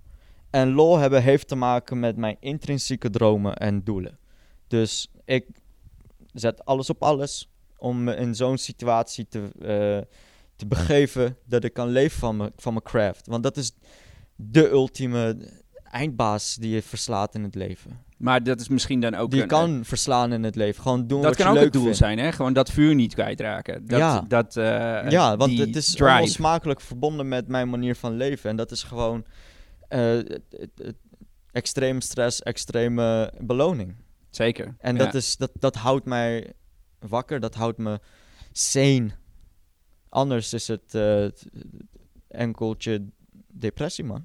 Ja, maar dat is, dat is eh, herkenbaar aan, de an- aan de ene kant. Aan de andere kant is het ook iets wat je als persoon fysiek en eh, ehm, geestelijk moet liggen. Want eh, het kan ook zijn dat je je daardoor op- naar... een- Tuurlijk, je moet niet doen wat niet natuurlijk is. Precies, dus, eh, dus dat is... maar je moet weten wat jij, wat, wat jou jou maakt. En als je dat weet, en in mijn geval is dat gewoon wat ik net beschreef, dan moet je er naar luisteren. Hoe zie je die, even heel anders, geen bruggetje, die, dat buitenlandse ding, ik bedoel het internationale ding.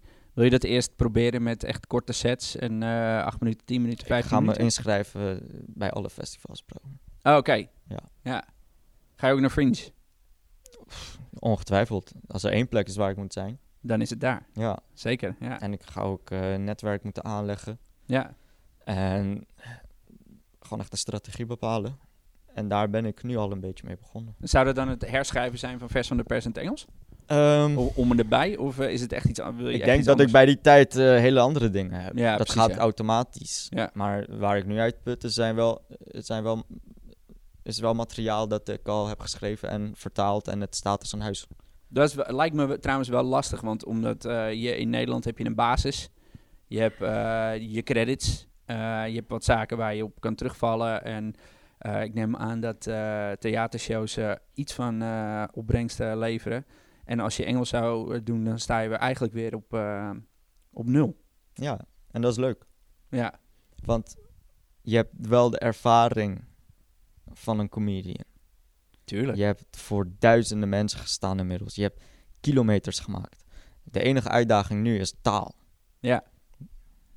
En een stukje inkomsten, want je bent Bring vader. Dus, ja, eh, maar dat doe ik al. Dat, dat, Nee, precies. als, je, als je zakelijke dingen gaat eh, bespreken, ja, dan moet je altijd passieve inkomsten hebben. Je moet altijd genoeg snabbels hebben. Geld zetten op verschillende eh, paarden. En, en, en zo genereer je een mooie maandinkomsten. Prima. Daarbuiten doe ik ook Engelstalige comedy. Wil ik doen, naast alles wat ik nu doe. En zolang ik genoeg verdien, dan ga ik er tijd voor kunnen vrijmaken. Ja. En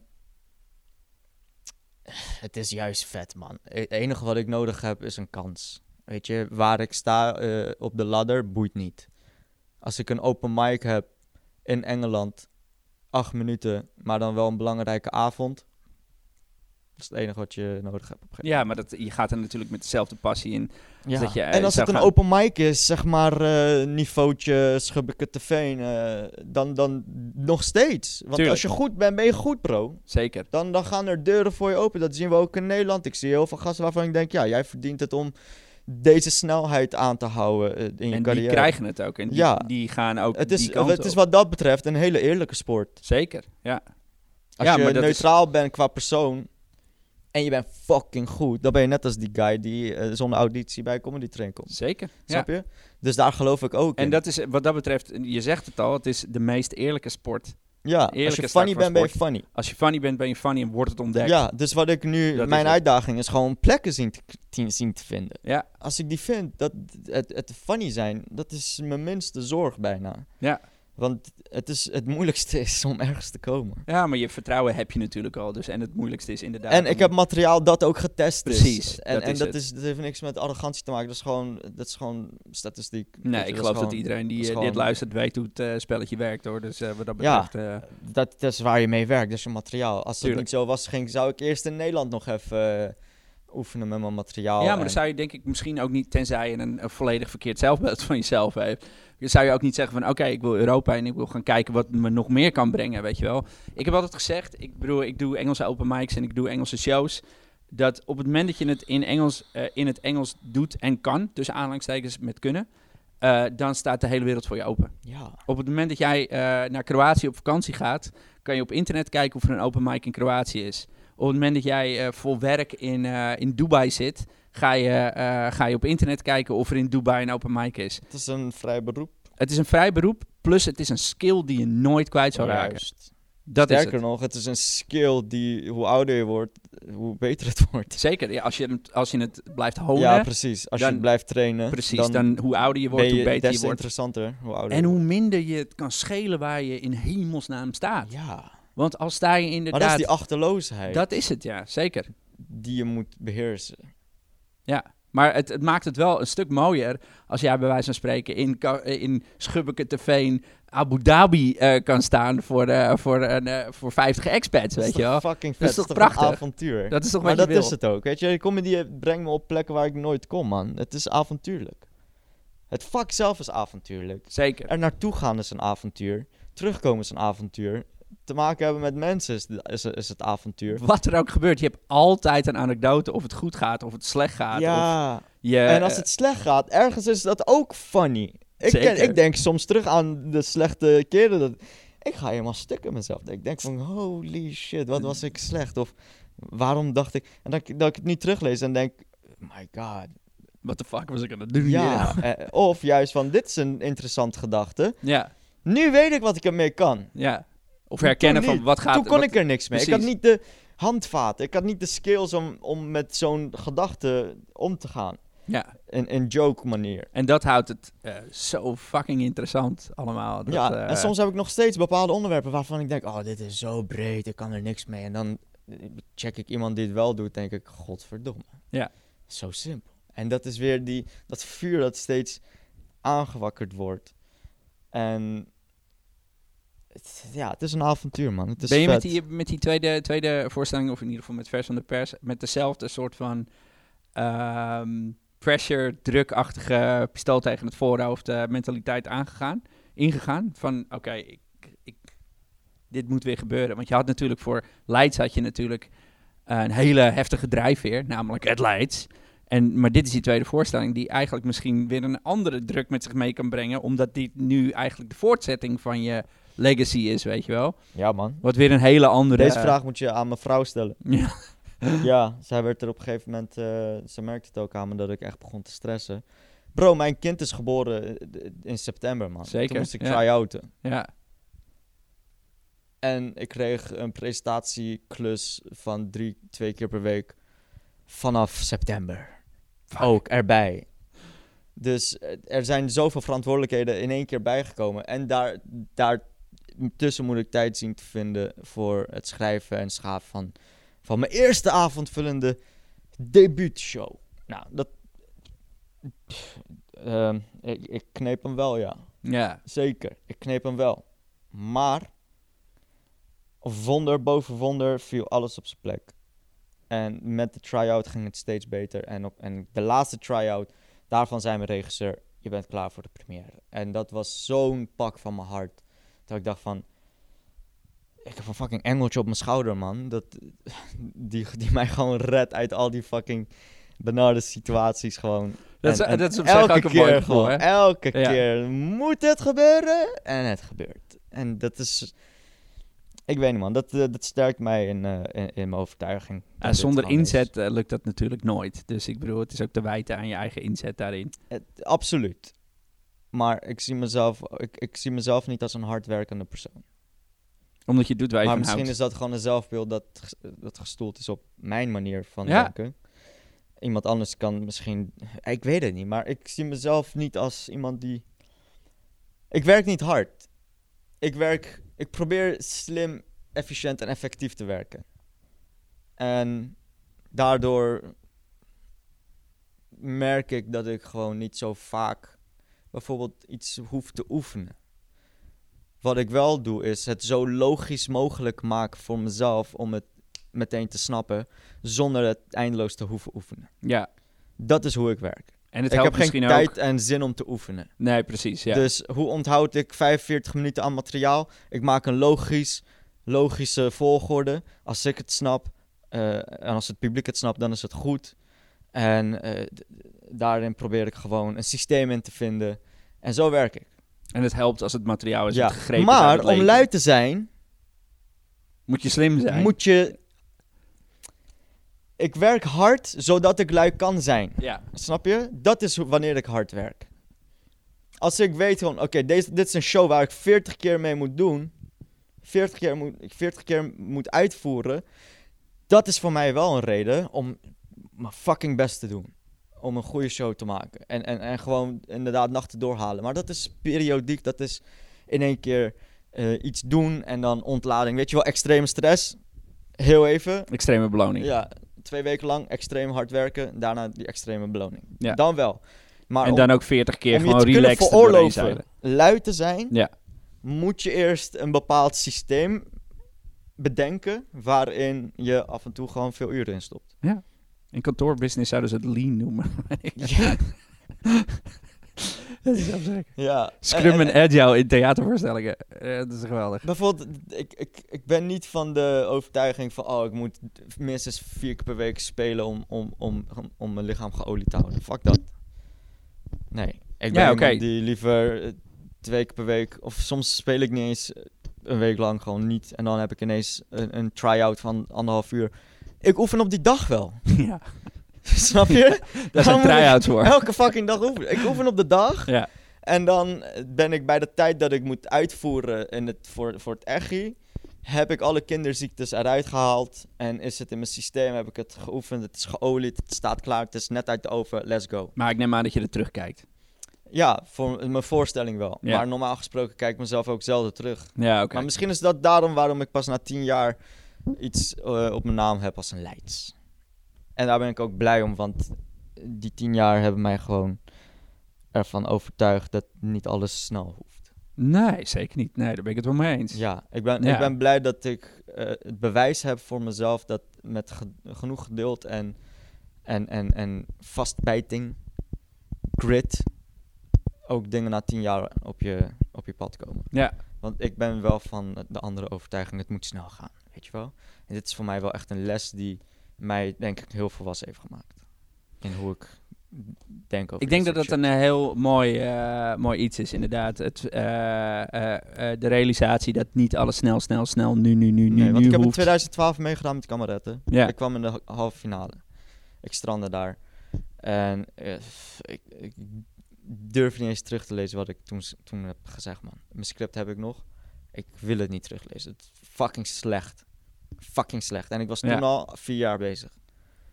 En nu, en nu pas heb ik het gevoel van... ik voel me op mijn gemak op het podium. Ik ben niet zenuwachtig, ik ben scherp. Ik, Je bent aan, maar leuk. niet geforceerd aan. ik ben mezelf. Ja, precies. Mensen ja. zeggen tegen mij, het is mooi, eh, op het podium ben je exact gewoon hoe je nu tegenover mij staat. En dat is exact wat ik wil. En daarvoor moest ik gewoon heel vaak afgaan. ja, zo werkt het. Ja, En ik heb het volgehouden. ja. En, en, en, en dat is gewoon iets wat ik eh, heel erg koester. Van oké, dit is een, volgens mij een van de waardevolste lessen in mijn leven. Volhouden, vastbijten en nog steeds wel proberen slim te werken natuurlijk. ja daarna gewoon lekker luid te kunnen zijn. Ja. toch? ja. ja, en, en, en dan komt het wel. Is, dat je, is dat je wijze les ook voor iedereen die dit ooit een keer wil gaan proberen? Ik vind het namelijk, ik vind het namelijk een van de beste adviezen die je kan geven. Slim werken. Ja, eigenlijk werken. wel. En, en, en, en eh, theorie goed onder de knie hebben, man. Ja. Lees boeken. Wees een nerd. Maar wees ook een fucking daredevil. Weet je wel?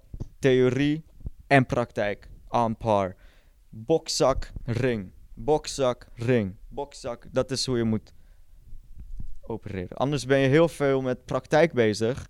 En dan heb je vijf shows nodig om die ene les eruit te halen die je zo kon lezen in een artikel. Weet je wel? Nou, lees die shit.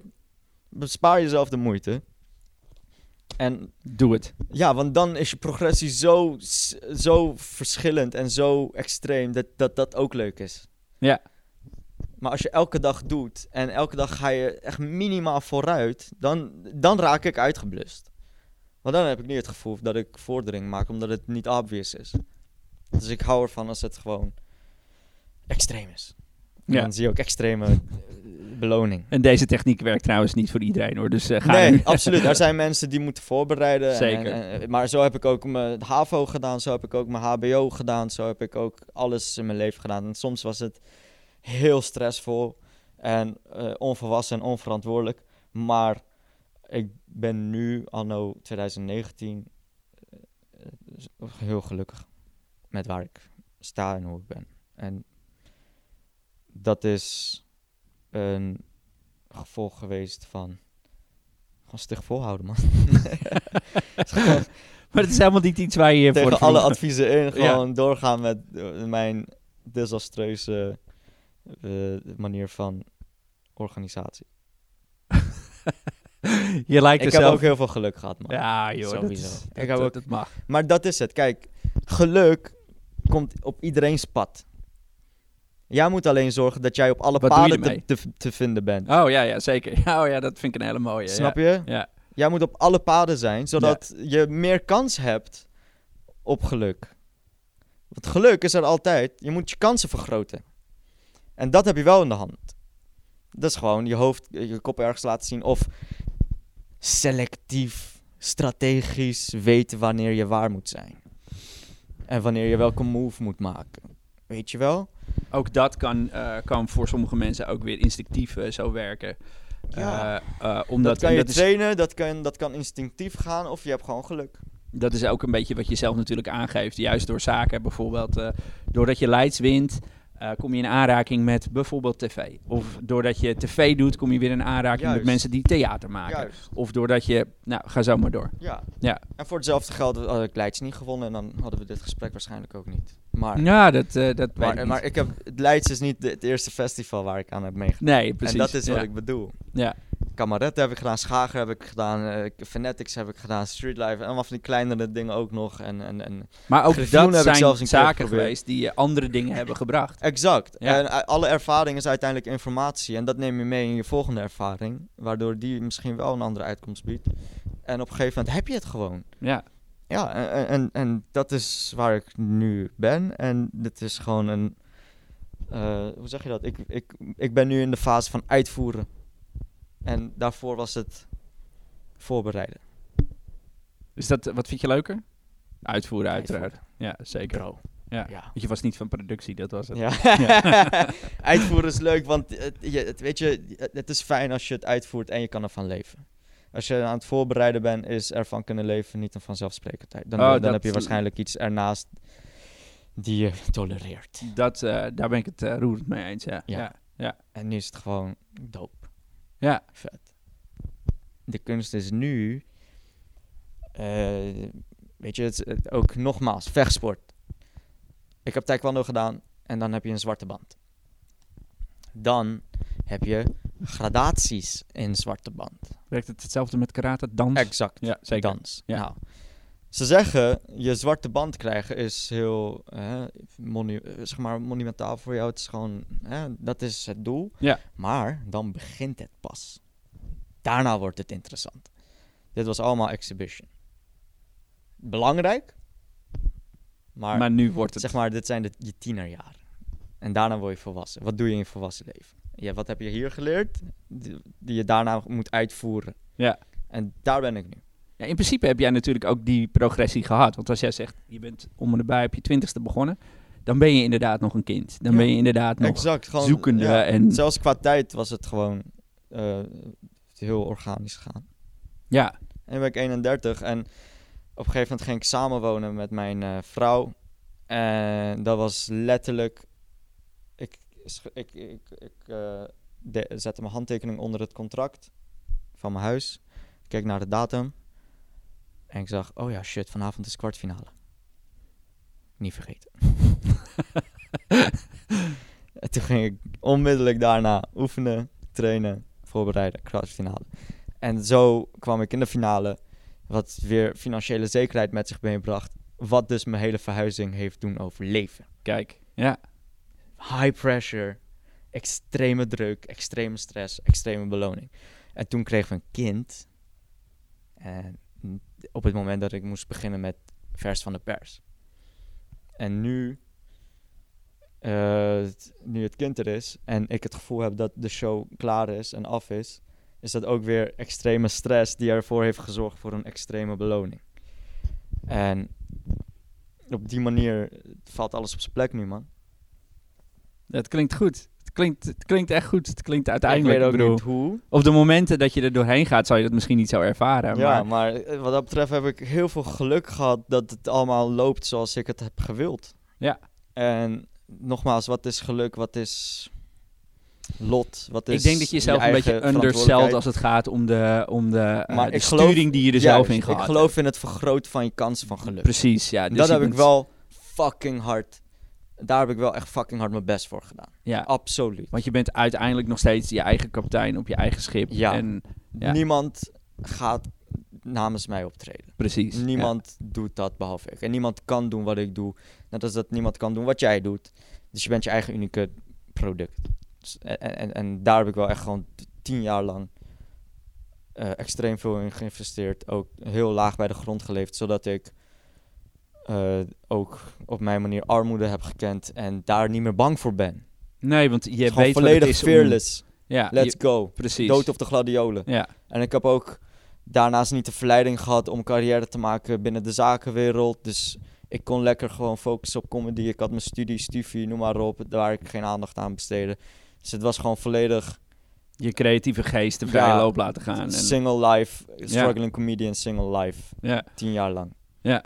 En nu is dat voorbij. En gelukkig is het ook met mijn carrière anders gegaan. ja, het geeft je ook een anker. Ja, mijn vrouw zei ook heel simpel van ik, ik, ik waardeer jouw drive, maar als het niet goed gaat en ik zie dat, dan ga ik ook tegen, eh, tegen je te zeggen. Vlakke hand En, tegen je hoofd. eh, dan dan eh, verwacht ik wel dat je eh, eh, nog steeds brood op de planken brengt. Een plan dan ook. B verzint. linksom op of wat, rechtsom. ja, precies. Ja, Werken, ja, klaar. ja. Maar tot nu toe gaat het goed. Hoef je van mij dat ook niet te doen, want ik merk ook dat het niet hoeft. Nee, maar het is goed om te weten dat, eh, dat je een achterban hebt die je gegrond houdt. Ja, Die, en eh, die jou bang maakt. Ja, zeker. Ja. En dat werkt bij mij gewoon. Ja. Extreme stress, dat, daar, ga ik precies. Extreme stress, extreme beloning. Ja. Ja. Als het niet er is, dan, dan, dan gebeurt het ook niet. Dit is mooi. Ja, toch? Dit is mooi. Dit is een warm, warm gevoel wat we hebben. Ik, ik, ik, ik, ik, krijg, ik heb alleen de hele tijd de neiging om dat te doen. Oh, en ik moet plassen, joh. Fabot, eh, eh, bedankt. Graag gedaan. Voor dit. Ik vond het heel leuk. Ik ook. Ja, We gaan even het kon gezamenlijk nog plassen. langer duren, Alleen dan, maar ik eh, vind het wel een mooi organisch einde. ik vind het ook eh, super. Ik wil nog een foto van jou, maar, Ja, daar, maar dan ga ik eerst plassen, man. Dat is goed. Dan ga ik op stop drukken. Doe dat. Oké, cool.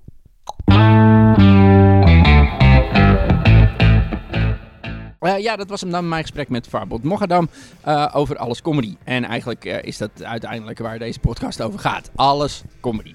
Alles, echt. Vind Farbot op internet, op Facebook onder Farbot Mogadam of Farbot, gewoon www.farbot kan je ook naartoe gaan. Je kan ook naar YouTube, naar Farbot Frappant en volgens mij ook op Instagram en Snapchat en TikTok en al die dingen waar ik geen verstand van heb. Vind ons op 8minuten.com. Um, ehm, check de podcast. Check ook alle andere podcasts die je er tegenwoordig kan luisteren. en ik wil zeker even de mensen die naar 8 minuten met geluisterd hebben. Over 2019 en daarvoor enorm bedanken voor jullie aandacht en jullie luisteren het oor. Um, en voor de mensen die niet geluisterd hebben, ga gewoon eens luisteren. Het is leuk, het is interessant, mooi. Um, ehm, 8minuten.com voor alle stand-up comedy in Nederland. En tot een volgend jaar. 8 minuten. 8 minuten.